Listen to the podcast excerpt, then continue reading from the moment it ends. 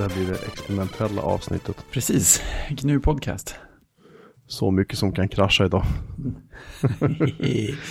Ska vi berätta vad du har gjort? Ja, det kan vi göra. Jag, min Macbook Pro har börjat uppföra sig konstigt. Eh, Framförallt när man sitter och kör med batteri, men också när man kör med uh, ström. Att ibland så bara fryser den till lite grann. Mm, det känns inte så kul. Eh, nej, bara någon sekund här och där. Och jag så här. Eh, är det här någonting som har med disken att göra? Eller är det någonting annat roligt?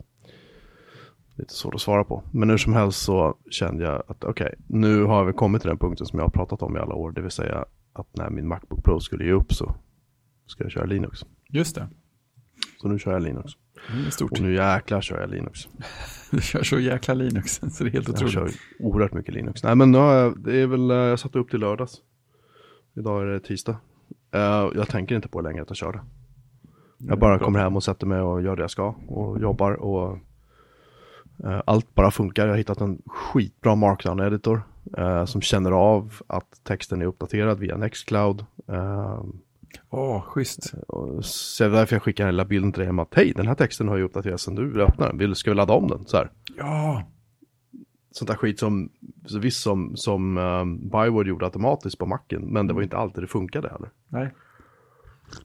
Nej, det händer ju faktiskt några gånger. Jag måste dricka lite te, jag har sjukt ont i halsen. Dricka te får man alltid göra.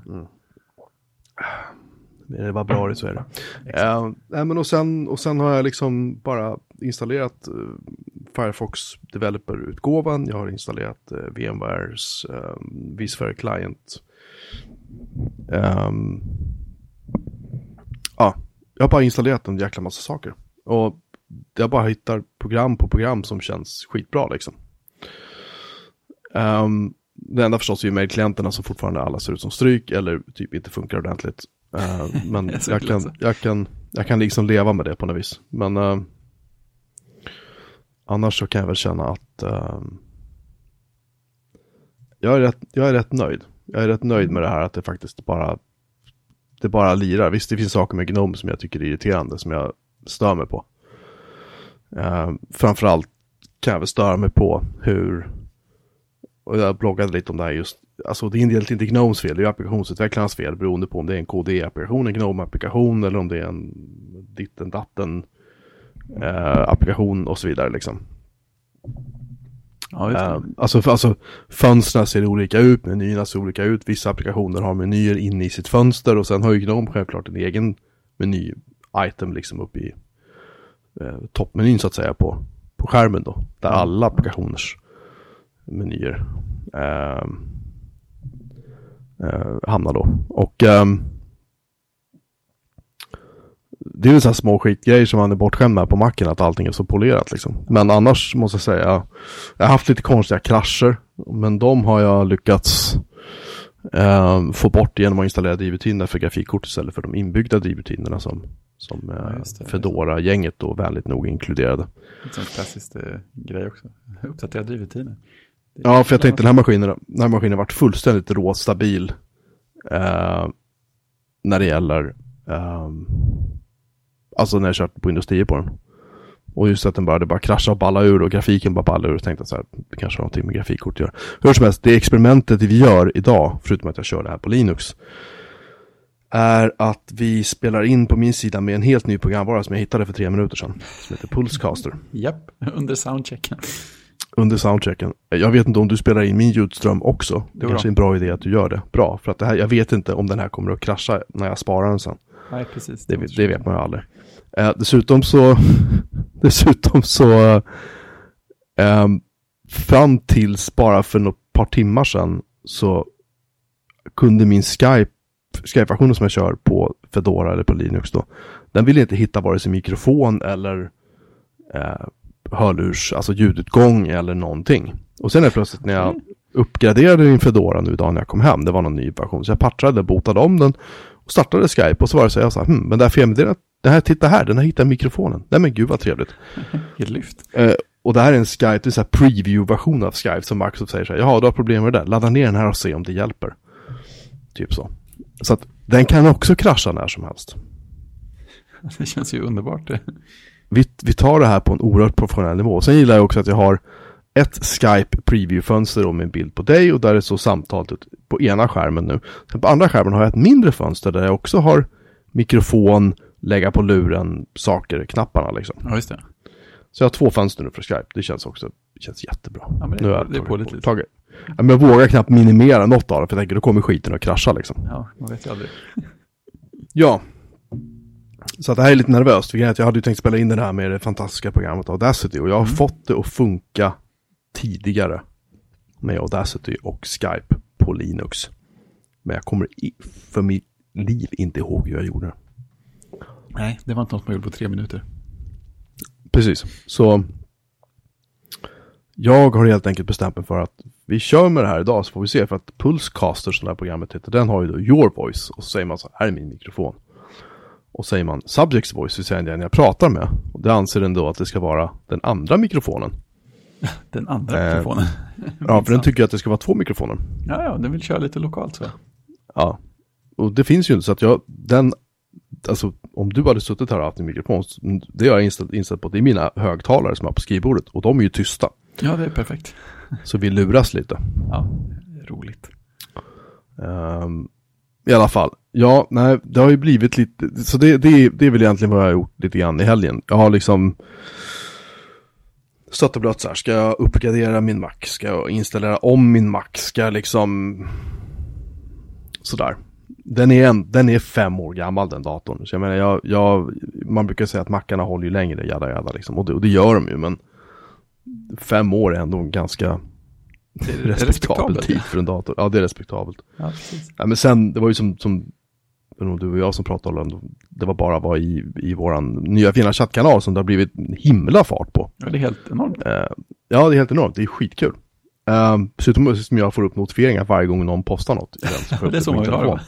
Och jag sitter och kör i bilen så här typ fem, halv sex på morgonen så blippar det, börjar det blippa på skärmen så här liksom. Vad vad är det för Och sen som kör- vaknar så här dags?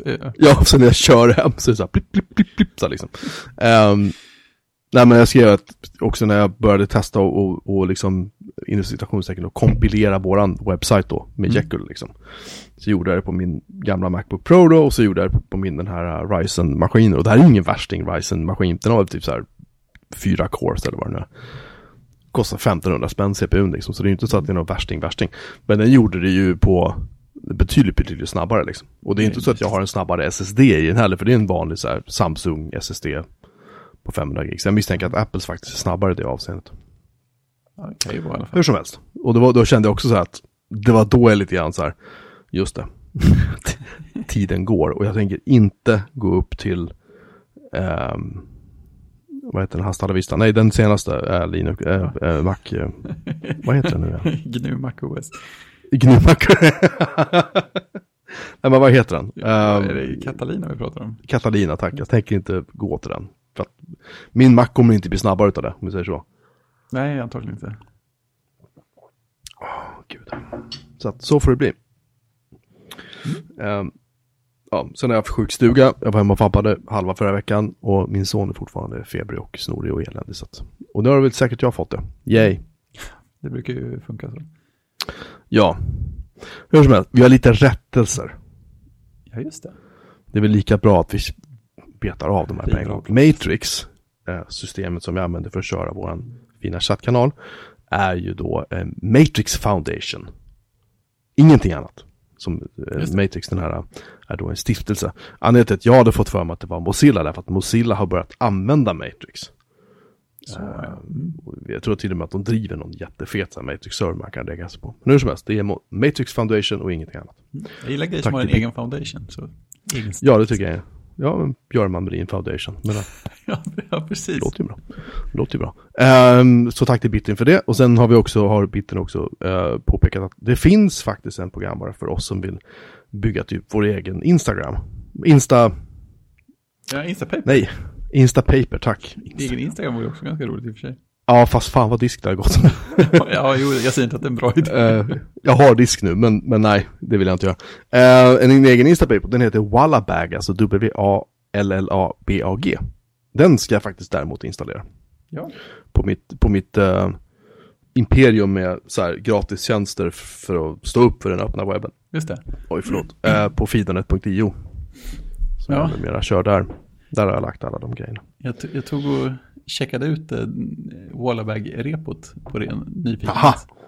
Jag var lite nyfiken på vad det var gjort i och sånt där. Eh, det var Mhm. POP visade det sig. Eh, och sen så Du blev jag älskar ju lite, PP. lite nyfiken till. Jag såg att he, eller hela, hela mappen med repot när jag hade checkat ut var på nästan 90 meg. Va? Ja, så tittade jag runt lite och så kunde jag inte riktigt hitta var de där meggen låg någonstans. Jag tyckte det var ändå ganska många. Men då fick jag ett snilledrag och körde Grand Perspective. Här, eh, en av alla sådana här eh, appar som eh, visualiserar vad som tar plats på filsystemet. Mhm. Eh, så jag pekade på en mapp och det här är ganska roligt för att ja, dels har den några, den har några totalt 86,4 meg då enligt Grand Perspective. Sen har den de två, liksom, nummer näst störst och tredje största fil är två JS-filer som jag tror är helt enkelt hopkompilerade. Ja, Material.js gissar jag Material UI som Google har som frontend-bibliotek. Sen något som heter Baggy.js som jag tror jag har hört någon gång. Men eh, den allra största har jag grejen. också sett tror jag. Någonstans. Ja, förlåt. Ja. Ja, precis, så, så de två är det. Och sen är det ett, ett stort gäng, de är ju klart mindre, men ett stort gäng eh, eh, fo- fontfiler helt enkelt som är medpackade också. Men den stora grejen, eh, och det, det är ju det är roligt, det är ju så här packfiler som ligger i Git-mappen. Så att eh, Git, Git-data tar 63 av de eh, 86 meggen i, i hela utcheckningen. Eh, Oj. Och det, det är ju inget konstigt med det egentligen. Eh, Det är ju rätt logiskt. Git har ju all historik på allt man har gjort. Men det är lite roligt, för jag har aldrig tänkt på att kolla det här på, på, eh, på projekt incheckade i Git förut. Så Jag gissar att det är en ganska stor del av ens eh, diskutrymme när man eh, klonar ut eh, något mer populärt projekt som är Git-data. På mitt, på mitt nu- nuvarande år kör vi ju eh, Subversion. SVN. Stort. Som jag faktiskt har börjat gilla mer och mer måste jag säga. Jag, jag vet att Git är liksom the shit. Sådär. Med allt vad det innebär. Men Precis, du checkar bort i oss- ett eh, träd utan huvud. Ja. jag tycker ändå på så att, att Subversion är jävligt nice. För det är ganska enkelt. ja, det är mycket lättare att tänka på Subversion, vill jag minnas. Ja. Jo men det är det liksom. Och det är så här. Det är typ så här tre, fyra kommandon du behöver komma ihåg liksom i princip. Mm. Eller parametrar. Um, med, med det varje gång jag har försökt jobba med Git här hemma så här, bara på kul. Det är så här, fan gjorde man det där nu? Jag får sitta och googla så här. Migränhuvud. Ja, men lite så liksom. Ehm, I alla fall, så um, Wallabag Ja, tänker jag väl vid tillfälle slänga upp ja, det är roliga på grejer. en server här. Se om jag gör det under KVM eller om jag gör det under VMware. Jag går fortfarande och stöter och blöter om jag ska för en gång för alla sparka ut VMware och sådär. I och med att jag byter jobb så småningom och då känner jag att jag inte längre ehm, behöver hålla koll på VMware på samma sätt. För jag kommer inte att jobba med det i fortsättningen liksom på det sättet jag gör nu. Just just. Och då kan jag på något sätt känna att det hade varit nice att Byta till något köra annat. någonting öppet. Ja, och jag hade, vill inte köra... Vad sa du? ja, du hade någon bra diskussion på Mastodon om det va? Ja. Och det är, alla säger så här, köp Proxmox. Men, jag är lite så här, jag börjar läsa om Proxmox och så börjar jag gå in på Reddit och läsa Proxmox och liksom så börjar jag säga så att jo, det är väl, det är väl bättre nu. Men, och så plötsligt ser man någon som bloggar om en bugg de har haft eller nej, nu vill den inte bota eller och man blir bara så här, ah, fan jag orkar inte, jag, jag, nej. Nej. Ja, Jag vet, jag vet inte, jag blir bara lite så här, alltså jag brände mig nog så fruktansvärt på Proxmox förra gången och jag liksom är inte hundra på att jag är riktigt där jag faktiskt är bekväm med att köra det igen. Även om det är ett otroligt vackert fint system så jag, jag har på något sätt lite grann kommit till insikt också att jag kanske inte behöver ha så här high availability, jada jada jada liksom för odds, för oddsen för att en av mina två fysiska servrar går sönder liksom. De, de är ganska små. Mm. Och blir strömavbrott så går båda ner i alla fall och så vidare. Och så vidare. Det är mycket, mycket enklare att ha ehm, att ha en ehm, vad heter det? Att ha en, bara en Linux-kärra du botar uppifrån. Och så har du din hypervisor där liksom. Och så Ja, skulle den av någon anledning braka så är det så här, ja men då, eller om disken, säg att disken rasar i en så här med operativsystem på den här. Då stoppar jag väl in en annan disk då liksom och så installerar jag om skiten och sen så tar jag upp den igen bara. Alltså det är liksom inte hela världen. Men om, Nej, om. Proxmox skulle balla ur, alltså det blir en... Jag vet inte vad jag skulle göra riktigt. Alltså det blir en enorm så här stress. Och jag vill inte ha det, jag vill bara att det ska vara enkelt. Jag vill att det ska vara som, med VMware som det är nu. För det är verkligen stressfritt att köra VMware, skiten bara funkar liksom.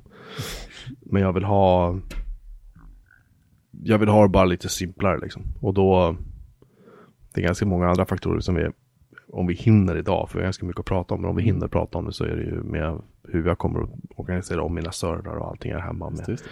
med lagring och allting och så i framtiden. Så.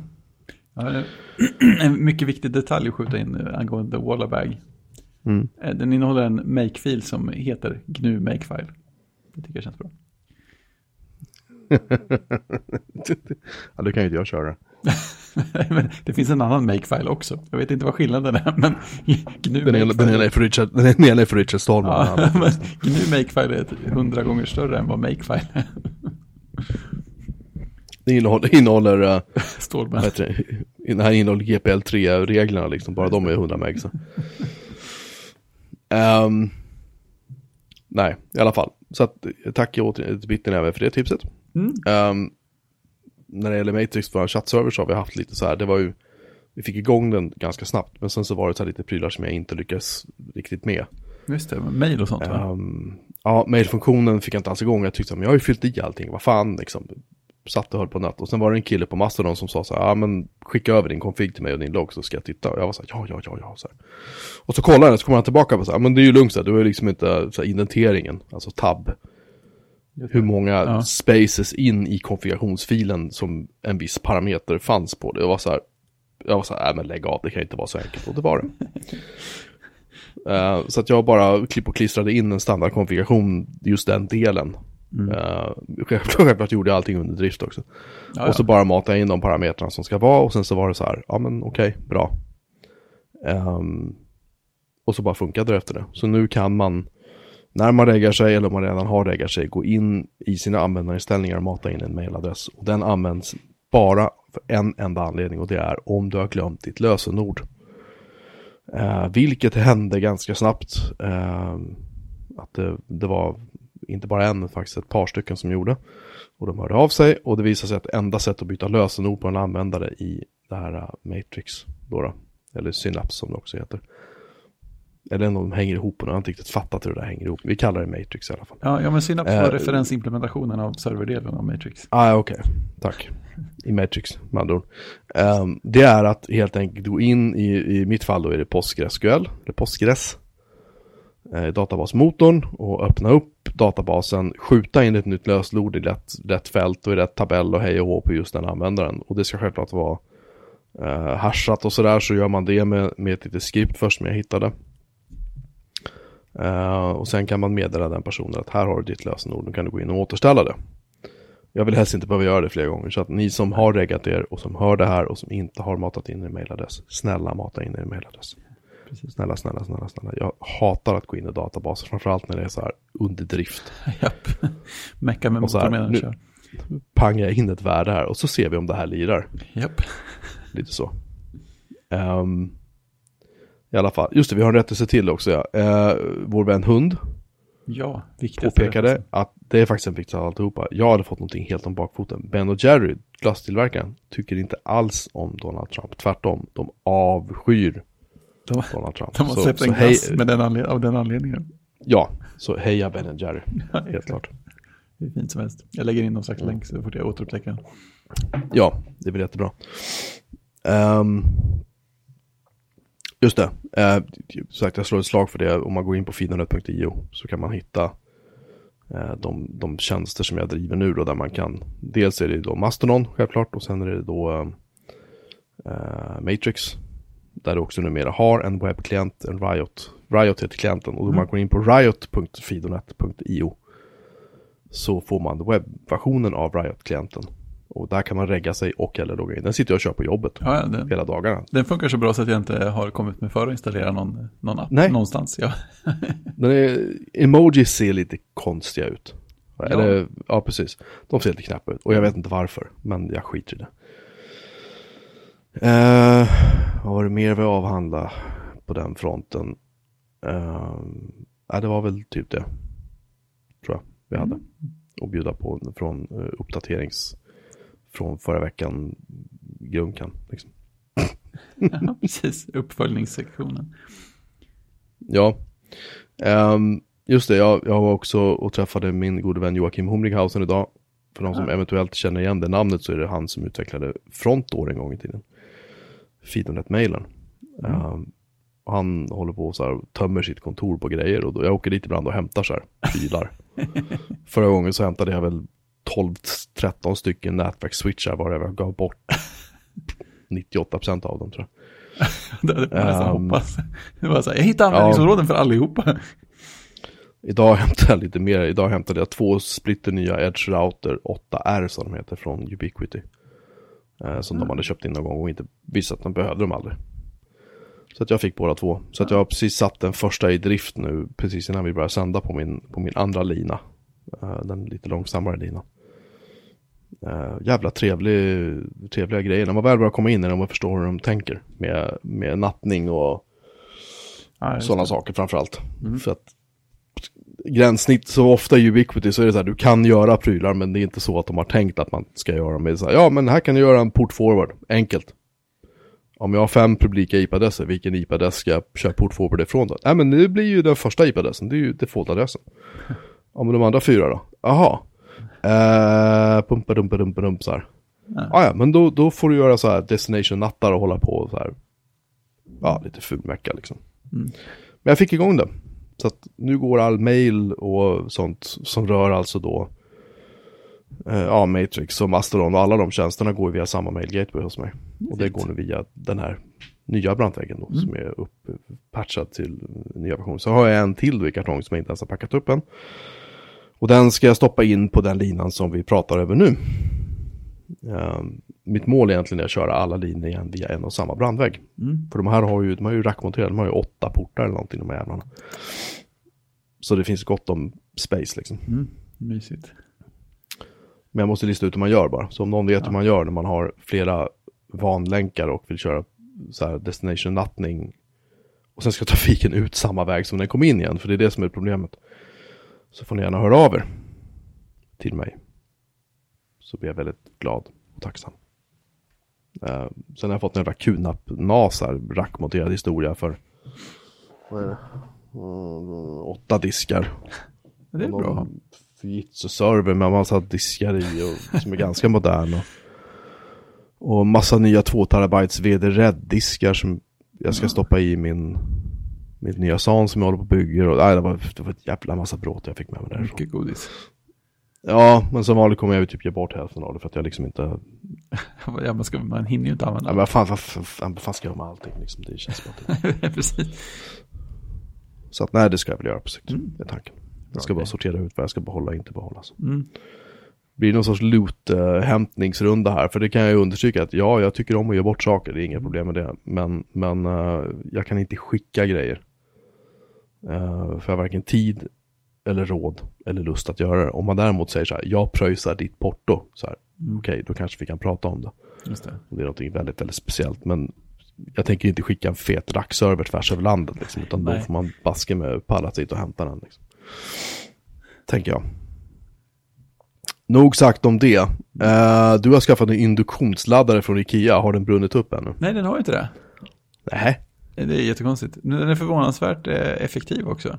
Jag, trodde att eh, så här, laddning av en modern iPhone skulle gå så pass långsamt att man så här, ja men det är värt det om den ligger på jobbet i fyra timmar eller om eh, man laddar över natten. Men den, den, laddar, ganska, den laddar ganska raskt tycker jag. Jag är positivt överraskad.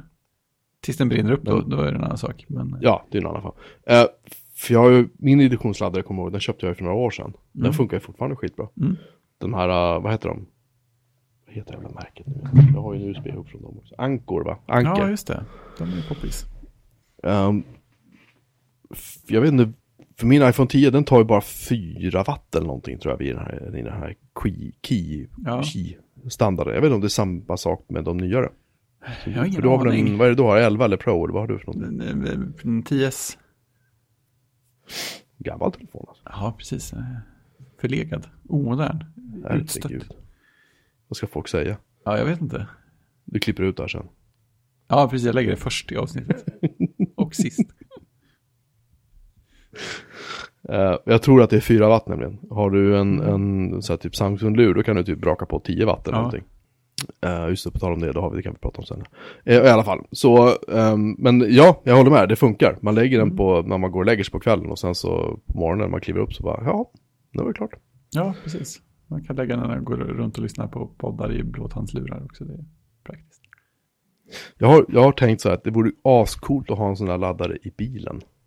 Ja, eller hur? Där man bara typ lägger ner telefonen och så ligger, men problemet är att bilen rör sig ju. Ja. Inte bara fram och tillbaka utan även sidled. Och då kommer ju telefonen bara flyga all världens väg. Så att Ja, det känns lite riskfyllt. magnet av något slag, nej det går ju inte, nej just det, för då går det inte att ladda. Gnälligt. Och ska man sätta den i någon hållare i bilen där man har, Ja, då är man tillbaka på att den Eh, sitter i en hållare igen. ja och så har du ändå sladden ändå dragen, då kan du lika gärna stoppa in den rakt in i lightning-port. Ja, nej jag vet inte. Nej. Men det hade varit coolt om man bara land, man kunde lägga den i något fack så här. Här Ja, ligger telefonen still och så laddas den. Ja, Perfekt. Jättefint. Kanske kan 3D-skriva någon sån här. Ja, Hmm. det är ju som givet. Hmm. Man sätter typ i en drickahållare eller någonting. Mhm. Eh, Inducerar du. känn, jag känner ju en kille med jävligt bra 3D-skrivare. Men Jag återkommer i den där frågan. Det där kan ju faktiskt vara värt att... Sweet. Sweet! Eh, produktutveckling live. Ja, exakt. Ni hörde det här först. Ja. Jag eh, postade ju en länk till ett, en sajt som heter objektiv-c.com. Just det. Massa smarta små säkerhetsverktyg för MacOS. Och där var du inne minsann. Ja, först var jag inne och kollade, vad hette det? Det var ett, ett som hette Knock Knock. Ja, Det var ju skitbra, till... skitbra namn på Ja, produkterna också. jättefint. Det är ga- ganska så här eh, lustiga gränssnitt som både, både känns ganska mack och känns så här helt sned. Lite mm, bastardmack eller något. Man, man har gjort något som med mack-komponenter men man har inte brytt sig om att gå hela vägen. Det, det, jag, jag tycker det är charmigt på något sätt. Eh, men Knock Knock listade ju, eh, vad var det, saker som autostartar va? Ja, Något jag tror det hållet. Eller massa olika eh, sektioner av saker. Men det jag tittade mest på var saker som autostartade. Så jag avinstallerade lite eh, prylar. Nå- några få sådär. Det kändes bra. Det kändes ju kul att kolla igenom också. Jag upptäckte att Dropbox har en som heter Garçon. Som startar automatiskt. Den vill man säkert ha där. Absolut. Ja, så. Vilket jävla bra namn. Ja, alltså namnet ska de ju vara lite stolta över. Det, det tycker jag. Men är det inte, är det inte Dropbox-klienten som, jag, hör, för jag hörde på senaste eh, ATP att Dropbox-klienten typ så här kör ju någon, Ja, den gör ju någonting med feedsystemet ibland så det hela maskinen typ bara ja skiter ner sig. jag hörde det också. Så att jag, jag, jag har fortfarande inte skakat av med Dropbox-beroendet för alla mina textfiler. Men jag är sugen på att göra det. Samma sak så har man ju den här Chrome Update Helper som alltid ligger igång också. Men Chrome har jag också lite nytta av. Så jag, vet inte, jag, tror att jag tänker att det är nog svårt att få ordning på Chrome utan att ha Update Helpen. Och jag tänker att Update Helpen nog kommer tillbaka om man behåller Chrome och tar bort den. Men vi får se. Mm. Ja, annars, man kommer ju långt på Firefox som fallback webbläsare. Alltså jag kör bara Firefox nu. Mm. Alltså till och med på Macen har jag, liksom inte använder det så ofta längre, men när jag väl gör det nu så märker jag att då går jag in i, i Firefox. Jag kör ju Developer Edition också. Jag Ja. vet inte varför jag gör det. Jag gillar, jag tycker ikonen är så sjukt snygg. Ja, den är fin. Och så är det lite, det är lite mer bleeding edge eh, Ja, i den va? För jag, jag, jag, ja det, det är det. för jag körde den på jobbet eh, ett tag också. Och eh, använde som utvecklingswebbläsare istället för Chrome ett tag. Det var ganska mysigt. Men just då så var den lite för bleeding edge på några grejer. Så att utvecklingsupplevelsen var lite sämre och lite ostadig än Chrome. Så då följde jag tillbaka igen. Men eh, jag ska ge den en chans till lite oftare. Jag tycker den har funkat skitbra än så länge. Mm. Ehm, man, varje, typ varje gång man startar den så är det typ en uppdatering. Sådär. Mm. Och grejen är att på Macen är det inte bara så här, ja men absolut, eller på Linux är det inte bara så här klicka så här, ja men visst uppdaterar det bara, utan här är det verkligen så här ladda ner, och det ska det med, jag fick ju ladda ner en så här GZIP-arkiv i princip. Ja. Alltså det är ju inte ens en, det är inte ens en installerbar, bara en feed vi installerar via den här applikationsbutiken i Fedora, utan det, det är så här, det är lite mer hardcore liksom, så man får välja sina tillfällen när man uppdaterar den sen. Mm. Men eh, i alla fall, Ja, och sen så den andra appen som jag kollade lite med var den här KX Viewer som ja, visar kernel extensions. Eh, Jag hade, jag hade några få som inte var Apples. Man har ju väldigt många från Apple visade det sig. Men några få som inte var Apples och av dem kunde jag faktiskt ta bort några också. Så det var ju trevligt. Här, någon Hue-app som jag installerade en gång för ja, Philips Hue-lampor hade lämnat kvar en liten Mm. extension för att styra ljus på något sätt. Den behövde jag inte. Och sen var det när jag testade en sån här, eh, eh, vad heter det, immersion, eller immersed VR för att så här, eh, titta på mina eh, Mac-skrivbord i eh, Oculus-headsetet. Den Mm. hade lämnat kvar några drivare också. Och den hade lyckligtvis en, avinställningsknapp i sin inställningsmeny. Men för att, för att kunna starta den var jag tvungen att starta immersed, varpå det var tvungen att uppdatera sig, varpå det var tvungen att starta om efter att den hade kernel extensions, varpå datorn fick en kernel panic under omstarten. Så det kändes extra bra att avinstallera det efteråt. Men, eh, så nu har jag typ bara Apple kernel extensions kvar. Eh, någon mer. Men jag hittade en, en fin, jag tror min favorit kernel extension till namnet är en som heter Don't Steal Mac OS 10. Det är bra. Är det den där som... eh, vad fan heter... Vad är det den gör? Jag antar att det är något så här eh, ringa hem och se om det är en licensierad kopia eller någon annan sån här grej. Men, Nej, jag har för mig att det där är... ehm, den har någonting med att göra att den... För när man... När man ska bygga en, en Hackintosh mm. så krävs det att det finns en fil med en sträng i. Och den strängen på något sätt räknas ut. Ehm, den är typ unik för varje maskin eller något sånt. Ja, okej, något sånt. Och, de, och, den, och den då liksom verifierar att det är en äkta kopia av MacOS liksom. Ah, Någonting, någonting sånt. Och i alla fall den där, och det finns nu på typ, jag tror det fanns till och med på GitHub liksom. Man bara loggar in så finns det upp, ladda ner skript och köra så räknar vi ut det åt det i alla fall. Eller typ, eller också kan vi alltså extrahera det ut ur, eh, ut ur, om du har en vanlig Mac så kan du bara köra skriptet så extraherar vi ut den här informationen. Liksom. Det, det har någonting med det där att göra tror jag. ja, det låter ju rimligt. Men det är ett bra namn. Det är kul att den heter bara rätt upp och ner också.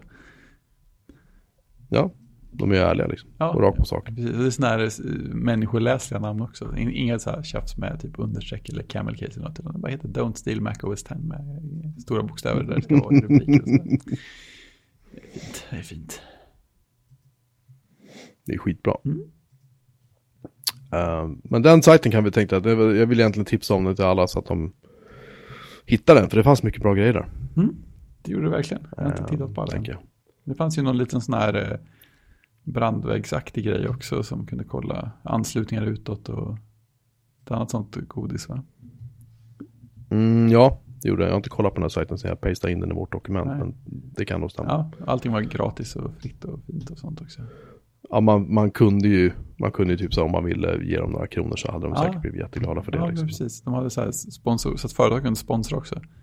Han hade någon konferens precis. som man anordnade en gång om året som företag kunde sponsra också. Ja, Mm. det tror jag. Ja, men den var, den var, det var, det var en bra sajt helt enkelt. Jag gillar Jag hyllar den. Ja. Och se att bild, alltså i min eh, Skype-version då för, för Linux då, som jag kör. Den, eh, den började, det fönstret där jag har lilla bilden på det, det var liksom flimrade till precis nu. Jag känner en störning i kraften. Ja, typ. Eller så börjar du se, se Matrix. Eller, jag tror att jag har fuckat upp vårt dokument lite grann. Jaså, spännande. Borde jag låta bli att klicka i det? Eh, eh, jag försökte bara organisera lite snyggare så att vi har så. Nu har jag sparat det. Okej, får vi se. Eh, Nej, typ så. Nu så. Nu är det ordning. Jag får lyckas uppdatera på min sida också. det borde vi göra om du har din Nextcloud-klient igång. För det, det är en grej som jag retar mig på fruktansvärt mycket med uh, Gnome. Mhm. På tal om, bara för att återvända snabbt till det. Och Nextcloud, det är ju så här att i Gnome så finns ju så här när man startar upp det eller när man vill så finns det så här, här kan du mata in dina molntjänster. Och molntjänsterna i, i, i Gnome är ju så här, det finns ju, du vet, Microsoft och det finns Flickr och det finns det. Facebook och du vet, en rad olika så här grejer som man tänkte, här känner jag igen. Och det finns också Nextcloud med. Och nu har jag lagt in Nextcloud då som en molntjänst i min, och det funkar skitbra. Det kommer upp en liten ikon i den här lilla dockan, för jag måste ha en docka, annars kan jag inte jobba. Eh, och det är skitbra att där ligger alla mina Nextcloud-filer, jag kan öppna dem och allting. Men tror du den synkar upp ändringar då? Nej, det gör den inte. Vad skulle den göra det bara man det vore ju jävligt onödigt liksom. Ja, det var jättekonstigt. Så jag måste ha Nextcloud-klienten igång också. Jaha, ja, det kändes ju... Vilket är, Ja, ja. Det kanske inte riktigt det jag hade väntat mig. Nej, inte jag heller kan jag säga. Nej. Och det är att den, och det är att den kör det här via WebDAV, så det är liksom ingen så här. Raketforskning så. Nej, du bara gör. Tryck skiten. Men hur som helst. Måntjänsterna i Fedora är också ganska roligt för att som standard följer med en bildvisare som den heter, den heter typ så här Photos eller Pictures eller någonting i Gnome. Alltså skitsnygg ikon. Ikonerna i Linux överlag har blivit grymt snygga. De har liksom verkligen börjat polera nu liksom. Ja, det börjar bli skitfräscht. Och så startar man den och tänker man så här, ah fan vilken clean skön bildvisare. Och säger den så här, ja ah, men du har inga bilder på din hårddisk. Nej men jag vill ju ha dem på min filserver. Nej okej, okay, det får jag inte ha. Ja då lägger jag över dem på min hårddisk då. Fine. Okay. Och så säger den så här, eller, eller också säger den så här, ja, eller också kan jag öppna dem från dina molntjänster. Ah, ja, tänker jag. Min uh, Nextcloud är ju en molntjänst. Haha, mm. för det finns ju en bild som heter typ Photos eller någonting liksom i din, ditt Nextcloud-konto. Kanske den ni kan använda då? Skulle man kunna tänka sig. Nej, nej, det mm. kan den förstås inte. Det tycker jag inte är ju dumt. Utan de är, den, den menar väl typ så här tjänster som flickor och så, alltså som är rena bildtjänster liksom. Uh, men det är också, jag menar annan grej, typ man lägger in sitt Microsoft-konto. Jag ville bara se vad som händer om man gör det. Mm. Och så, ja, här är din mail. Ja, men jag har en OneDrive och jag har liksom, så, nej, här är din mail. Ja, okej, okay, tack för det. Så att det finns massor kvar liksom, att göra och det, och det är synd att de är så sjukt otydliga när det gäller de här grejerna. Mm. Det är ju in, inte, även om Fedora är väldigt vänlig i övrigt så är det så här, det är väl kanske, jag vet inte om Ubuntu kanske är bättre på det här. Jag vet inte, jag har inte kört Ubuntu på länge. Men... Det beror helt på hur mycket det är någon central som styr och ställer antar jag. Om sånt där blir gjort eller inte. Det känns som att liksom, det är sådana grejer, de, de bryr sig liksom inte om det. För det är ju fortfarande när man går in i den här applikationsinstallationsgrejen då, software, vad fan den heter. Så finns det ju sådana här uh, extensions till Gnome man kan mata in. Så man får så här små kul funktioner liksom typ som en screenshot-ikon uppe i menyraden så man kan klicka på den. Så kan man markera ett litet fönster och säger man ta en bild på det här åt mig. Den funkar svinbra liksom. Jag, jag, jag har nämligen installerat typ 7-8 extensions. Och det är bara en som faktiskt fungerar. Oh. Men, men de går att ladda ner via Fedoras egna mjukvaruapplikationsgrupp. De säger så att det här är på egen risk, ladda, ladda. Det finns extensions där som inte fungerar, men när jag går in på Gnomes eh, egna webbsite för extensions, så där kan du via webbläsaren installera och slå på extensions, vilket är skitfräckt liksom. Mm. När de pluggar in i Firefox som hanterar det. Liksom. Mm, det är coolt. Eh, då kan samma plugin, samma version funka, men det funkar inte med att installera den via Fedoras egna applikationsinstallationsprogram. De har ju missat målet ganska kraftigt där känns det som. Ja, med typ en halv landsända liksom. Ja, i runda slängar. Så att det är så här, det är ju inte, alltså det, när det installeras så blir jag så fan, polerat liksom så här. Man börjar titta mm. på applikationen så, så här, det ser ju rätt bra ut liksom, men det fattas fortfarande jävligt mycket rent ut sagt. Ja. De är inte där på långa vägar än liksom. Det är någon som har brunnit för kontoinfrastrukturen men inte kunnat eh, ta det och dra det till de som skriver stöd för den för andra tjänster eller någonting. Eller inte kunnat inspirera folk. Eller? Nej men det, det är ju så här, det är ju sånt som jag har tjatat, som jag skrev om för, vad är det, typ två år sedan tror jag det var.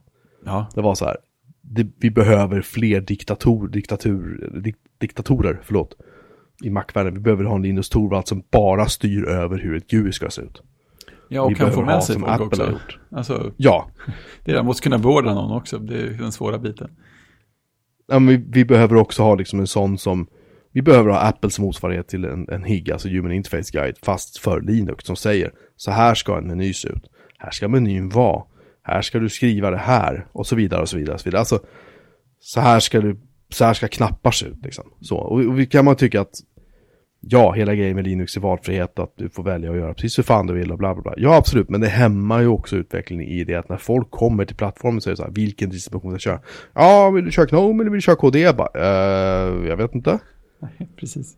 Och då är Gnome väl typ det som börjar ta över mer och mer. Har ju varit rätt länge nu liksom. Ja, okej, okay, då väljer vi Gnome. Vilken distribution ska jag köra? Så här, ja, jag vet inte. Ja, så kör man Fedora istället och så öppnar man upp Fedoras applikationsbutik så är det så att här finns ju ingenting. Liksom. Jo, det finns applikationer, missförstå mig inte, men jag vill ha tag i, i uh, Spotify. Jag vill ha tag i, ja. du vet, så här, vissa applikationer som man bara vill ha. Ja, precis. Skype, exempelvis. Liksom. Nej, det finns inte där. Nej. Ja, då får man installera liksom ett annat sån här repository då, som heter Flatpaks. Från FlatHub heter det. FlatHub. Ja, och vad fan är det då? Ja, men då får du så här knacka lite kommandon så här i terminalen. Ja, det är väl lugnt att göra så här. Alltså nu, nu pratar jag så om att det vore, Mm. att jag inte vet att jag kan de här grejerna bara. Ja, men, precis. och, aha. men om man inte vet om att den här FlatHub finns. Det finns ingenstans i Fedoras mjukvaruapplikationssak. Står det så här, ja, du vill ha fler applikationer? Här, du kan aktivera det här repot eller Nej, du kan här, besök den här sidan, utan nej, inte ett jävla ord liksom. Utan det ska du på något sätt bara magiskt få reda på. Ja, via universum på något sätt. Ja, ungefär så. Liksom. Universums tacksamhetsbank eller något sånt där. Så att det, det är liksom, det, det, det är här de brister. Men bevisligen är det ju så här, de här grejerna fungerar ju skitbra i Fedora när du väl bara får in alla de här prylarna. Så lirar ju liksom. Men vägen dit är så lång, de gör det så otroligt svårt för folk liksom att jag menar, ett tag så var det ju den här uh, Evolution var ju standard med klienten i, i, uh, i Fedora och, Mm. och med Gnome liksom. Den ser ut som stryk, alltså det gör den, men du kan ju i, i Gnomes molninställningar då, det molntjänstinställningar, kan du mata in din exchange-server om du råkar ha en sån. Vilket är jävligt nice rent ut sagt, för det, det kunde man ju inte göra för några år sedan. Ja men fine, okej. Ja då startar jag standardmail-klienten då. Ja, den har ju ingen aning om vad du har för mailserver. Nej. För den läser ju inte, den läser inte Gnomes inställningar. Nej okej, men nu installerar vi väl Evolution då. Evolution bara pang, här har du din kalender, här har du din, dina kontakter, här har du din mail. Allt bara funkar liksom. Men allt det här måste liksom hänga ihop. Mm. Ja, och det gör det inte. Det göra. Utan alla drar iväg åt alla jäkla håll de vill och liksom det är bara lekstuga. Liksom. Så att ibland kan jag känna så här, ska jag välja Linux så ska jag hitta en distribution som är stabilare. Liksom. Och nej, jag tänker inte köra Arch. Och nej, jag tänker nog inte köra Ubuntu heller. Jag vill köra någonting som är liksom, bara stå med fötterna på backen och tänker på sånt där skit. Men det är ju Ja. återigen, Något jag som- tror inte att det finns. Nej, liksom. någon som syr ihop det mer till en helhet. Så. Precis så. Ja, mm. Och det, och det är där de ligger så sjukt mycket efter fortfarande. Det är därför det behöver, de behöver en Linus Torvald som en till. Som bara styr över den grafiska användarupplevelsen liksom. Kan man säga så här, här har vi, här har vi vanilj-Linux. För de så här, makttöntar som vill köra Linux. Här, varsågod, här har ni vanilj-Linux. Vi döper inte det. Så, Mm. här hänger allting ihop, allting bara funkar så här. Du vet, vi har ju pratat om Linux-distributioner tidigare, jag kommer inte ihåg vad alla heter, men liksom, de ser ut som MacOS i princip. Ikonerna ser ut som de kommer från MacOS. Det finns en docka, det finns jada jada och så typ, och så skrapar du lite, vet, går två nivåer ner här och börjar skrapa lite grann på ytan. Titta lite grann på inställningen så är det så här, nej, det är ju samma sak där. Ja, ja men, Det hänger liksom inte ihop. nej. Lite som när man gräver i Windows och hittar förra versionen av Windows under. Och sen hittar man DOS där under. Precis så. Mm. Precis så. Och det är ju, det är ju jättecharmigt på sitt sätt. Liksom. Ja, men ibland är det, ibland är det rätt mysigt. Men ibland är det så här, jaha, ja okej. Ja, nej, så att det, det är väl mera, det är väl mera det jag ville ha. Eh, bara en liten, en liten, uh, Passus. Lite passus Mm. på typ halva avsnittet. Ja, ja, Ehm, det är de bästa. ja, jo, ja, sen vill jag också bara slå ett slag för den här CMS, eh, bloggmotorn Gra- Grav, eller Grav. Mm. Den finns fortfarande, jag hade trott att den var på väg att dö, men det gör den inte. Den eh, är ju då en sån här flat file, alltså skriver ju statiska filer bara. Eh, med stöd för markdown, jävligt läckert admin-gränssnitt. Men det kräver POP. Mm. Så det är ju liksom lite grann nackdelen. Ja, ja, det kan man kanske, kanske leva med. När var det du pratade Och det om det led? Eh, jag vet, det måste vara flera år sedan jag pratade om det sist. Alltså vi har Ja. gjort det här typ fyra och ett halvt år nu. Jo, jag vet. Risken är att jag har pratat om det förut. Men jag kände också så här, att ja, men det här har vi pratat om, men jag kommer inte ihåg så mycket av det. Men det kanske var samma vez som du kollade på Ghost och alla andra också. Eh, ja, det kan det ha varit. Eh, på tal om blogg också, så, så funderar jag på en grej. För jag började titta på min blogg och tänkte så här, hmm, hur ska det här se ut då? Mm. I dagsläget så är min blogg, våra bloggar skiljer oss åt. Din, din är ju då en, en lista med en bloggpost efter en annan hela tiden. Så som bloggar typ brukar se ut. Mm. Medan min är ju bara en lista med rubriker och så får man klicka på rubriken så får man komma in på artikeln. Mm. Hur, ska, hur bör en blogg se ut egentligen? Ja, det är svårt. Så, Jag tänkte att du hade svaret. Alltså jag har ju landat på min variant där de första senaste inläggen visas på första sidan. Och sen finns det arkiv med bara rubriker. Eh, För jag, alltså det jag egentligen vill åt är ju vill egentligen att läsa senaste inlägget utan problem. Eh, Sen så bryr jag mig inte så mycket om hur det, vad som händer sen. Jag tycker det är tråkigt om det blir för mycket på samma sida, har jag insett. Mm. Eh, Men jag har ingen superstark åsikt utom att det är skönt att komma till första artikeln direkt. Jag, jag började titta på nämligen att bygga om min så att man får en, en um, alltså som en lista med artiklar som du har. Mm. Men jag insåg att det är rätt mycket av så här funktioner och sånt som jag byggt in nu när man väl klickar sig in på, Mm. på en bloggtext som jag tycker är så jävla läckra. Och de funkar inte på en första sida av någon anledning. Nej, nej. Ehm, och sen orkar jag inte bara, jag orkar inte göra klart det så jag struntat i det. Ja, men det är bra. En utmärkt anledning att strunta i något. Ja, och jag kände att ja, men min sajt funkar ju liksom. Ja, men precis. Den är ju så fin att titta på också. Ja. Och du har skrämt studenter. Vad fan går det ut på? jag, jag- fick hålla en liten gästföreläsning, låter alldeles för ambitiöst. En gästlektion kanske. Jag, jag har en kompis som undervisar på en yrkeshögskola här i stan. Eh, och Mm. de undervisar utvecklare. Och eh, de har, eh, de har väl tillbringat halva kursen med Java om jag minns rätt. Och sen nu har de börjat eh, lära sig JavaScript och TypeScript och hela den moderna stapeln för webbutveckling. Så då kom jag in och pratade en, en timme om JavaScripts historia och försökte förklara varför saker är som de är lite grann. Det var, det var ganska roligt, det var, det var trevligt det var, och ostrukturerat. Och ändå tog det ungefär så mycket tid som det skulle. utan, utan att dra över 45 minuter, utan att vara 45 minuter för kort. Så det, det var roligt och jag fick anledning att hitta gamla Netscape Navigator eh, så här startskärmar med animation och sånt att visa upp. Det är ju jättemysigt. Men hur, hur mottogs allt det här liksom? Alltså vad... Jo, men det mottogs väl som väntat. Det kändes som att folk lyssnade med visst intresse och de hade faktiskt lite frågor som visade att de hade lyssnat också. Sådär. Så att, eh, jag, tycker, jag tycker det var trevligt. Det, det, är- det är mycket skönare att vara i ett skolsammanhang när man bara ska prata om något man själv har koll på och är intresserad av istället för att man måste sitta och lära sig massa nya saker hela tiden. mycket lugnare så. Ja, jag har inte gjort, jag har gjort det sån här någon gång. Eh, det måste också vara på sån här yrkes, yrkesgymnasium, jag kommer inte ihåg vad det var, IT-gymnasium eller någonting, jag vet inte, jag blev bara in, Inkast. inropad av någon som kände någon, typ så här, hej kan du komma och prata, typ så här, vi har ingen vikarie, alltså det var lite grann så det kändes liksom, men Ja, okej. jag skulle prata om nätverken, jag kommer inte ihåg vad jag Ja. pratade om, men det var så här, det var ju typ säkert tio år sedan. Ja, ja. Men det var, det var rätt kul för man kommer in och det är så här Eleverna har liksom inga förväntningar på mig som person. Ja, det kommer, Nej. det kommer något så här, något typ så här, det kommer typ så här vikarier eller något. Jag vet inte vad de trodde att jag var för någonting. Nej, precis. Och de har liksom ingen så här uppfattning om, är det här någon vi kan köra med? Alltså, nu är de ju lite äldre ungarna, Mm. så de har ju lite mer så här hyfs och vett liksom. Men det var lite, jag kommer ihåg lite surrigt och lite så här, så jag drämde en fet bok rakt ner i bänken liksom i, i katedern. och bad alla sättas ner och vara tysta liksom. Och då jävlar blev det tyst. Och, det var, det var, och sen tyckte de, så kom de fram efter och bara, fan skit, att de var jätteglada så här över att Ja, grymt. att vi hade, för vi hade, det var ju som en dialog, liksom. vi pratade om nät, hur funkar nät, vad är ett nätverk? Mm. TCP/IP är liksom jävligt basic grunder, liksom. vad händer när du surfar?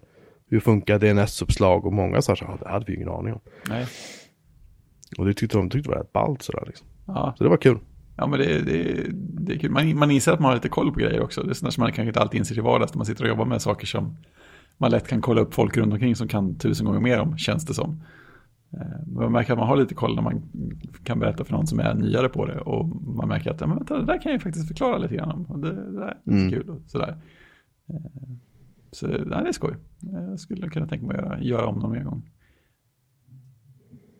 Ja, det, det är lite kul. Man väl har fått smak för det där. Faktiskt så Mm. är det ganska, det är ganska roligt faktiskt, tycker jag. Jag kan, jag kan, eh, jag kan tänka att det där kanske jag skulle ha jobbat med i någon sorts, Alternativ värld. i, i, i ett- annat liv, jag Ja. säga. Ja, Precis. Eh, för jag har också, på tal om det här med JavaScript och att du har skrämt studenter, jag tänkte Mm. att du skulle få skrämma mig lite också. För jag har nämligen, ehm, då har jag tänkt att nu ska jag sätta igång och programmera. Mm. På riktigt. Ja, det är fint. Medan jag fortfarande har något så sug efter det liksom. Mm. Så jag har tänkt Python. Mm. Python Mest för att det var så roligt med så här uh, Harry Potter, Python, do you speak it liksom. Precis. Det är bra. Py- Python Förklara, är, förklara för mig det här, är det bra eller dåligt? det är bra. Eh, Python, är, Python är trevligt. Det är förvånansvärt lätt att få saker gjorda i. Det enda som jag kommer att tänka på var det här med YAML-filen ifrån eh, Matrix. Mm. Att eh, Python bryr sig om eh, indenteringen jättemycket. Eh, men fördelen är ju att man har ju verktyg som eh, sköter det åt en. När man skriver Python i någon vettig editor så fixar ju den med sånt. Så att, Jag har, hitt, jag har hittat en editor eh, för Python eh, för Fedora faktiskt. Men det här är så här en Python-editor för nybörjare. Som perfekt. heter Pys, Pyzo, P-Y-Z-O. Mm. Den har en ikon med fina färger. Ja, Och bra. allt ser jättefluffigt ut när man Mm. startar den. Eh, Sådär. Jag har beställt en bok också. Ja, ja, men det är bra. Alltså Python är ett bra val. Det tycker jag absolut. Om man, om man inte skulle välja Python då, vad skulle man välja då? Då känns det som att det plötsligt beror på vad man vill göra för någonting. Eh, Men Python är ju, det är, det är bra för det går ju att använda typ överallt. Och dessutom är det ju ett lätt språk att lära sig känns det som. Det, det var väl lite grann gjort med någon grundtanke att det skulle gå hyfsat lätt att lära sig från början. Och det finns Mm. välskrivna bibliotek och det finns mycket dokumentation och så. Eh, Så att, nej, jag vet inte vad man skulle ta annars. Alltså, det känns som att all, alla alternativ är ändå på ett eller annat sätt lite mer nischade. Jag menar, Go kan man ju tänka sig, men det känns lite mer lågnivå på ett annat sätt. Så det inte, känns inte lika generellt nyttigt. Och Rust är ju konstigt på alla möjliga sätt. Ruby känns ju mer, då är man mer, mer bara rätt upp och ner webbfokuserad, även om man kan göra samma saker. Vad är det för skillnad på Ruby och Ruby on Rails? Ruby on Rails är ju ett stort ramverk för att göra webbgrejer i Ruby. Eh, Mm. Så att eh, Ruby är det rena programmeringsspråket. Eh, och ja, det är ju generellt, men det blev ju väldigt starkt kopplat till Rails. När, för att Rails var det första ramverket som hade så, webbramverket som hade så starka åsikter. Alltså det är verkligen Mm. så här, du skriver ett, kommand, ett Ruby-kommando så genererar den så här modell och vy och grejer. Och du skriver ett annat kommando så får du en standardiserad så här inloggningsprompt och då har du databasen där bakom också. Eh, Och du gör ett modellobjekt och sen så sköter Rails om att skapa datamodellen i databasen åt dig och justera den och sånt där. Eh, Det var ju väldigt, väldigt, väldigt stort väldigt länge. Och det var en sån här grej som massa andra ramverk tog efter också. Det fanns, det fanns ett, ett ramverk per programmeringsspråk minst som eh, hade, tog efter tänket i Ruby on Rails och hette något som typ rimmade på det. Så det fanns typ sales för något annat. Och, Som segel alltså. Och, ja, Mm. Mm. det, det tog liksom aldrig slut. Eh, så att det har väl gjort att Ruby är rätt hårt kopplat till, till det. Men jag menar man springer på, jag menar allt när du använder gems till Jekyll. Mm. Det är ju, Mm. det, innebär att det är Ruby-kod inblandade. Eller åtminstone bör ha Mm. varit för att, för att gems är ju deras paket. Sen tror jag att jag tror att Python kanske har bättre prestanda också. Eh, Och Python är ju mycket mer renodlat i hur man gör saker. Eh, Ruby var ju utvecklat med filosofin att eh, göra programmerare glada. Så lite så här, kan man tycka att det skulle gå att göra saker så här, så, så, går, så går det att göra så. Alltså, det har ju så mycket sådana här jättefina konstruktioner, man typ ska loopa igenom någonting så är det liksom, ja men, nu kommer jag inte ihåg om jag använder rätt syntax, men det är saker i stil med att om, du- ja, men jag vill loopa från, från 1 till 100 så kan jag skriva liksom 1 punkt, punkt 100 och så, ja men då blir det en loop från 1 till 100 och du får in värdet varje gång. Och så kan du skriva så här andra små variationer på den syntaxen och få så här, ja men den loopar varannat element från 1 till 100, sådana där grejer. Mycket sådana här snyggt eh, socker. Men jag tror inte det är samma prestanda och sen är det ju mycket mer spretigt, får jag för mig. Nej, för de här gems-grejerna och hela det med Ruby, det tycker jag extremt illa om. Det kan jag säga på en gång. Men jag har ju samtidigt suttit och tittat lite i, i liksom koden för, Mm. eh, för Jekyll och sådär liksom och bara lite nyfiket sådär. Inte för att jag har rört någonting men men sen också tittat självklart i hur teman är uppbyggda och sådana saker. Det Mm. säger ju kanske inte så mycket om, om Ruby egentligen. Men, men, men man, så helt klart är det ju, kan jag ju känna att prestandamässigt så är det ju i alla fall Ruby är ju ingen jättehit. Nej, just Sådär. det. En, an, en annan stor grej med Ruby, som ju också var en sån anledning att det blev populärt ganska mycket, var ju att, eller är ju att det går, eh, det går ganska väldigt lätt att definiera, ja men i, i princip, vad säger man, domänspecifika språk, alltså definiera sin egen syntax för något man vill göra. Och, eh, Mm. och sen kunna använda den ungefär som, de, som allt som är inbyggt i språket från början.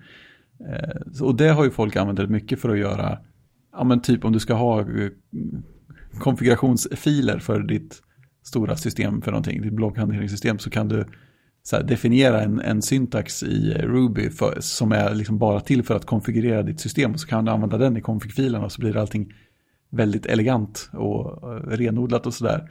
Sånt är Ruby väldigt bra på Mm. också. Eh, Och det är väl inget man använder till vardags annars. Det är också lätt att göra saker som är totalt obegripliga för att ja, här är en fil som är full med, med kommandon som ingen har sett förut. För att de är egendefinierade för det här projektet. Ja, okej. Ja, men det är Ruby säger vi. Nej, men det kanske är Python som är... Ja, men jag tror det. Ja, men sen, eh, annars, det, det stora som finns överallt nu för tiden är ju JavaScript också. Men det känns ju också lite mer nischat. Eller kanske inte nischat, men ja, det är också spretigare.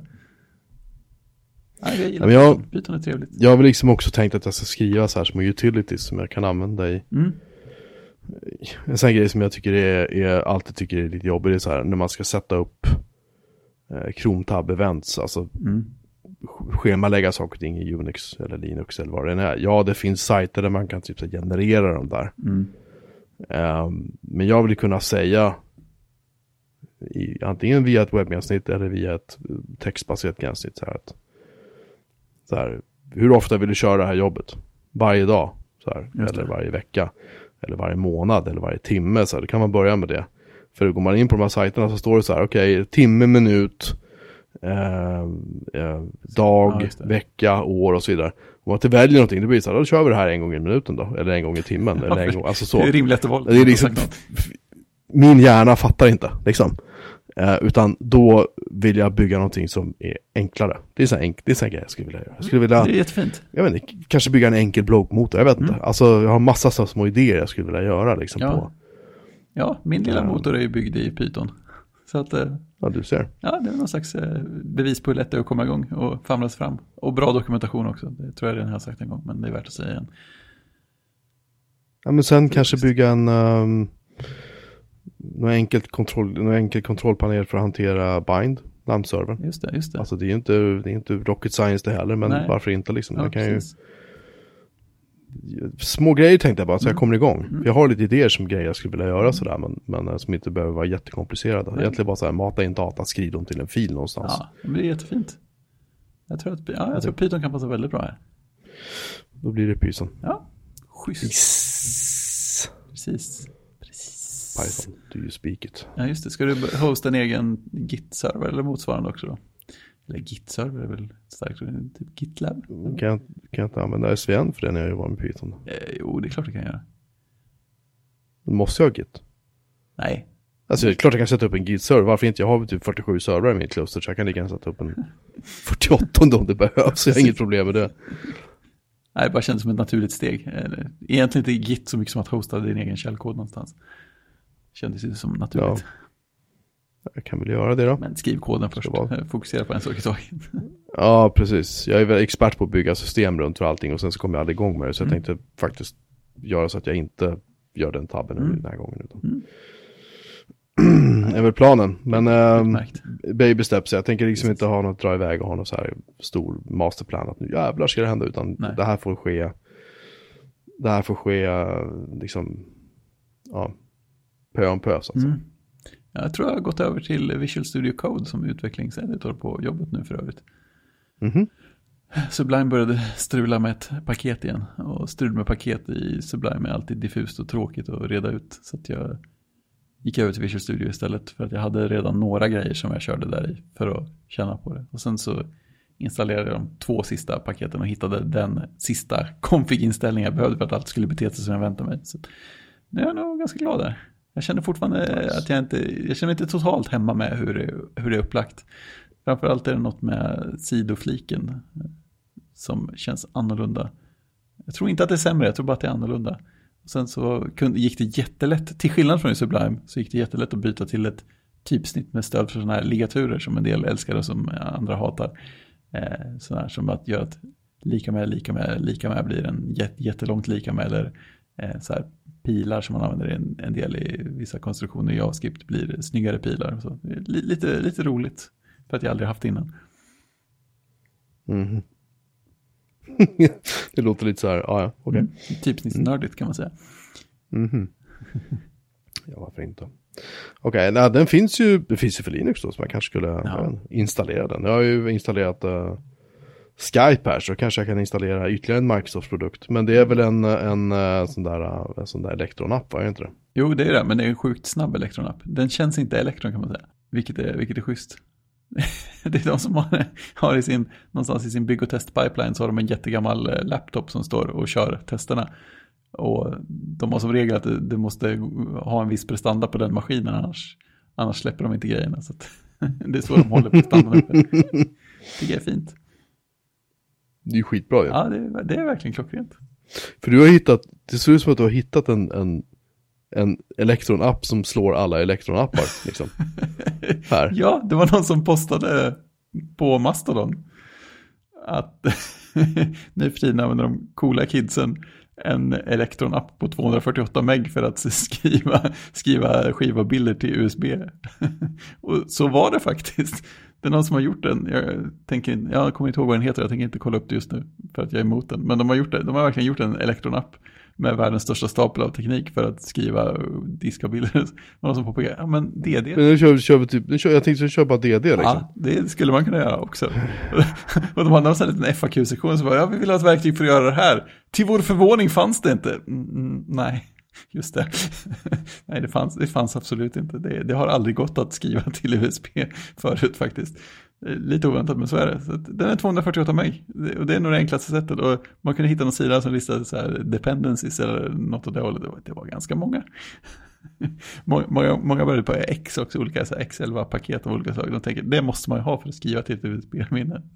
Men det är ju för fan ja. Det är lite barockt, eller mycket. Du, jag installerade Visual Studio Code här. Mm. Jag gillar den redan. Det första står så här, Customize, Tools and Languages, Installed Support för JavaScript, Python, PHP, Azure, Docker and more. Det är så här.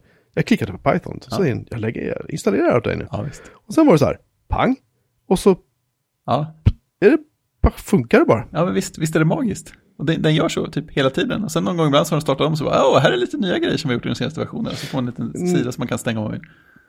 Kan man från Visual Studio Code spara direkt till en, en uh, Git, Git-repo? Ja, ja, visst. Det kan man det, alltså det finns ju helt vansinniga plugins. Det var en, en av de få gånger som vi lyckades samordna oss på Kodsnack så körde vi ett tillfälle då vi tillsammans satt live och streamade till Twitch eller någonting och löste några Advent of Code-problem ett år. Och då hade, vi, då hade vi någon plugin till eh, Visual Studio som hette Teleport tror jag. Som gjorde att vi allihop satt och redigerade i samma, samma editorfönster. Pass på våra egna maskiner i varsin ända av landet. Vad störande. ja, det är helt galet. Det, funkade ju också. Det är det som är det konstigaste av alltihopa. Eh, Så att, ja, jag, finns... jag sökte, förlåt jag avbryter det. Jag sökte på ett Git i Extensions Mm. Marketplace i och det var så här, den listan är ju inte, Jag vet inte ens om du är behöver något. Jag tror att du har rätt mycket Git-stöd redan från början. här har vi GitHub. Uh, finns, det, finns det GitHub pull requests? Jag vet inte ens vad det här är, så Nej, jag, jag- skiter i det bara. Ja, precis. Jag tror inte du behöver något sånt alls från början. Alltså kör du något lokalt.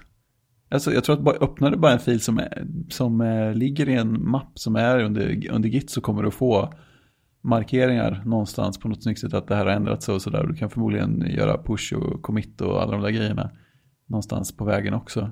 Eh, jag, jag, jag, har, ju jag har ju på något sätt kört in på att jag nästan alltid använder terminalen eller GitHub Desktop faktiskt eh, för att göra mina Git-saker just nu. Så att jag, jag, jag försöker nästan aldrig göra det inuti ett IDE, så jag har inte så mycket koll på det. Men jag har sett indikationerna i alla fall någonstans, det vet jag. Nej, men jag får väl, eh, jag får helt enkelt installera en GitHub, så nu, nu får jag ju ta det hela vägen. Liksom. Men det, det går ju rätt fort att deploya. Ja, Eh, en sista klar. Nej, tack för alla tips. Vi börjar där så länge. Eh, det, det ska bli kul här. Jag har en känsla av att jag kommer att slita det. Nu har vi blivit ganska långhårig, så nu har jag faktiskt hår att slita. ja det är perfekt. Du har förberett det här grundligt, det hör jag. Det här har pågått länge nu. Ehm, nej, en sak som jag har reagerat och som jag också har stött och blött lite grann i våran, eh, våran chattkanal på, i, på matrix.feedernet.io, fick jag sagt. Ehm, det är, ehm, jag har ju en, en 13-tums Macbook Pro på jobbet. Som kör också 10, 14, 6, någonting, någonting. Och samma sak är hemma med min mycket äldre då, 15-tums Macbook Pro. Och det är eh, någonting jag reagerat på eh, är att eh, när jag spelar musik i mina trådlösa eh, Logitech-högtalare eller i mina trådlösa Philips-lurar som alltså båda går över Bluetooth Mm. så klipper ljudet ibland. Mm. Och det är alltså både på jobbet och hemma. Så det är två olika datorer, två olika miljöer med liksom, du vet, varierande grad av störningar och så vidare på andra enheter som krockar och så. Men när jag gör samma sak med min Linux-maskin som har en Bluetooth-stöd i form av en USB-dongel från Asus, hör och häpna. Det känns helt orimligt att det skulle funka bättre. Det har aldrig strulat. När jag sitter och kör Bluetooth från min eh, iPhone 10 Mm. med eh, iOS 13, eller vad fan det är vi kör nu, vad är det, 12, 13? Mm. Shit, jag kommer aldrig ihåg det längre. 13 är det va? 13, tack, 13 punkt någonting. Ja. Ehm, så är det ju ganska ofta så här som att jag får, eh, även om du säger så här, jag är ansluten, Ja. okej, men det kommer inget ljud, så jag får koppla från, sen koppla upp igen, då Jaha. funkar det. Ja, Okej. Om jag testar att göra med min HTC One M8, min supergamla eh, Android-telefon, har jag på bara på kul testat att göra det med. Mm. Eh, tagit med den i bilen några gånger och kört. Eh, den har aldrig strulat. Det är grymt. Undrar om det är för att Apple bakar in alla sina prylar i metallskal. Ja, eller att deras Bluetooth-stack kanske är så här, inte top notch liksom. De har ju fått, men jag inte missminner så har de fått en del skit till och från. Sådär Det för att de fått, inte har, ja. för deras Bluetooth-stack liksom. För jag, jag inser att jag, jag, jag, jag lyssnar ju via Bluetooth väldigt mycket. Men det är ju nästan alltid från telefonen. De gånger jag använder vid datorn så är det ju på jobbet när jag sitter still framför datorn. Och jag sitter på samma avstånd hela tiden. Så där, där är det ju nästan aldrig något som stör. Där jag oftast märker störningar så fort jag har lurarna på och lyssnar på telefonen. Och med telefonen i fickan ska sägas, går upp till eh, vårt lunchrum. Där finns det någonting som bara öser ur sig stö- störande eh, liksom störning för bluetooth. Så, så där uppe börjar det så brusa och hacka och susa och ha sig. Eh, oavsett vad. Annars har jag rätt mycket flyt just med bluetooth i telefonen känns det som. Jag vet, jag vet inte vad det här beror på. Nej. Jag tycker bara att det är skitkonstigt att det, Det att är det, skumt. Att det ska vara så fruktansvärt svårt. Liksom. Mm. Och det, det, är- det är inte för att jag är på ovanligt mycket Apple-bashar-humör den här veckan, för det är jag Det är inte. ovanligt lite. Ehm, men- Tack, jag är vänligt av dig. Eh, men jag, jag, är, jag tycker att det här är så här grejer som jag hade tänkt på, men liksom inte riktigt tänkt på det med. Jag har liksom tänkt att ja, men det ska jag kanske kolla på det här någon gång. Och sen har jag liksom börjat inse efter ett tag att vad fan, det här, är ju, det här återkommer ju helt, det är ju ofta det händer. Ja, Liksom. då är det ju större på riktigt. Och liksom om jag, om jag går ifrån, eh, om jag lägger ifrån mina lurar på skrivbordet på jobbet, låser datorn, kommer tillbaka och låser upp datorn, så kan jag få systemljud i hörlurarna. Men då, då kan inte Spotify spela exempelvis. Då måste jag koppla ner lurarna och sen koppla upp dem igen. Det duger inte med att starta om Spotify. Utan, utan jag måste liksom stänga av lurarna, slå på dem igen så att de ansluts till datorn en gång till. Connected säger den så här. Bra. Sen kan jag spela i Spotify. Och jag, jag har svårt att tro att det här har med Spotify att göra. Ja, det känns ju lite som att det kanske inte är just de problemet ligger hos i det här sammanhanget. Så Nej, att grejer. antingen så här, bara lurar med tråd, Ja, är det enklaste. ja det, Eh, det är det eh. jag brukar landa på så här. Men nu har jag ju fått något skräp i hörlursuttaget på jobbdatorn. Så jag kan inte koppla in med tråd. Det är jättestort. Jag lyckas inte, alltså det måste sitta någonting, men det är inget som jag för mitt liv kan få ut därifrån. Eh, du ska ta en, en tandpetare som, är, som du har fuktat lite och sen så in Ja. och gräv. Jag har försökt. Man får in en, en, en hörlurskontakt till hälften. Sen tar det stopp. Och jag får inte ut Ja, men då är det ju... Eh, pröva så. Ta en sån här... Um, med sån här pipett som man kan suga vätska med. Ja, intressant. tunn. Den Intressant. kan du pröva att köra in och försöka suga ut dammet. Liksom. Ja, intressant. Kanske hjälper. Ja, det är värt ett försök. Jag har provat allt annat. Så jag ska rapportera tillbaka om det. Det tycker jag låter bra. Ehm, ja, jag hade inget mer att prata om den här veckan tror jag. Ja, jag tycker vi var otroligt effektiva här. Vi är ju det. Ja, Det här är alltså vårt 197 avsnitt. ja nu är det nära. Nu är det nära. Uh, tills vi spelar in avsnitt 200. Det kommer det kanske bli så här 199,2, 3, 5, 7, 9 och så vidare innan vi Ja, troligen. innan vi kommer till den, den 7 mars. Jag ser fram emot det. Ehm, Det är ju inte så långt kvar ändå. Det är inte helt snett ute. nej, vi måste planera när du kommer upp och så, för att jag på förmiddagen och typ lunch kommer jag inte vara hemma. Så att jag kommer att komma hem typ efter. Nej men det är ju så att min mor fyller 65 nämligen den Aha, dagen. det är här sånt som händer. sådär lite grann förträngt att hon, Ja, som man gör. vi är en dålig son. Hjälp på hennes Så vi ska äta lunch med, vi ska bjuda henne på födelsedagslunch och sen så kommer vi hem. Ja, ja, då så. Då Eller kommer jag jag, hem i alla fall. jag, jag lovar inte måla om stället. Nej, det är problem. Jag kan, jag kan, jag kan gömma en nyckel någonstans och så kan du ta dig in så länge. Om du, om du nu väljer att ta Rosarsbanan upp. Om jag Det kan ju vara exotiskt att åka, åka lokaltåget kanske. Faktiskt. Tar ni Västtrafik? Nej, nej. Ja, det, det är inga konduktörer på tågen längre. De, de, kommer och, de kommer bara och kollar så att ingen typ slår ihjäl sig eller slår ihjäl någon annan eller klottrar och sen Ja, så går de, försvinner de bara. Det var sådana, Så de gör typ aldrig, aldrig kontroller. nej, det var sådana Ed 209 från Robocop som stod bara. Eller hur? You have 20 seconds to comply. Better do what he says. Ja, You have 10 seconds to comply. ja det är en film. Oj. Snart dags. Vi behöver diskutera Robocop vid tillfälle. Faktiskt. Vi kanske skulle se, vi kanske skulle se den Det hade varit i något. samband med att vi spelar in avsnitt 200. Oh. Oh. Oh. Oh. Nu, det var intressant. ju. Jag ska live, live kommentera Robocop. I två timmar. Ja. Jag har ju Directors Cut också, så den jätteoklippta. Oh. Jag vet inte ens om jag har sett den versionen. Jo, kanske, kanske. Den är, den är extremt våldsam. Ja, okej. Det, det är just den scenen när, när Ed 209 ska göra sin, sin grandiosa premiär i början. Mm. I den bioversionen så är det så här Buddha, Buddha, Buddha och sen slutar han och sen är han död. Liksom. Mm. Men i regissörens version så pågår det där Buddha, Buddha, Buddha. Det pågår så här så omotiverat jävla länge så det är ju bara köttfärs kvar av killen. Liksom. det är typ sådana grejer som pågår. Alltså det är Mm.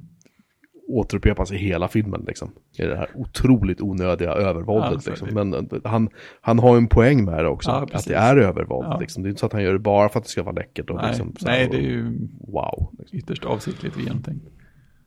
Men vi, det kan vi kanske få eh, anledning att komma till. Ja. Ja. Eh, med de visa orden så kan vi väl stänga den här butiken för idag. Mm. Och, och vi finns, oj nu har vi många ställen att finnas på här. Vi finns på, på eh, Bjurman Melin, på eh, Mastodon och på Twitter. Det känns som att vi överger de här traditionella sociala kanalerna ja, vi flyttar oss ett steg längre bort hela tiden. Ja. Eh, I alla fall. Och sen finns vi på, om ni vill chatta med oss så kan ni surfa till riot.fidonet.io eh, Eller gå in på vår hemsida, bjurmanmelin.se och klicka på chatt. Så finns det instruktioner där om hur du gör. Och det här eh, Matrix som det heter eh, är då själva systemet. Riot är då klienten och den finns även för iOS, Android, Mac, Windows, Linux. Ja, allt verkligen. Om man inte vill köra webbgränssnittet då. Just. Det funkar bra. Och sen har jag glömt något. Du kan mejla också. Hej att byråmamelin.se uh,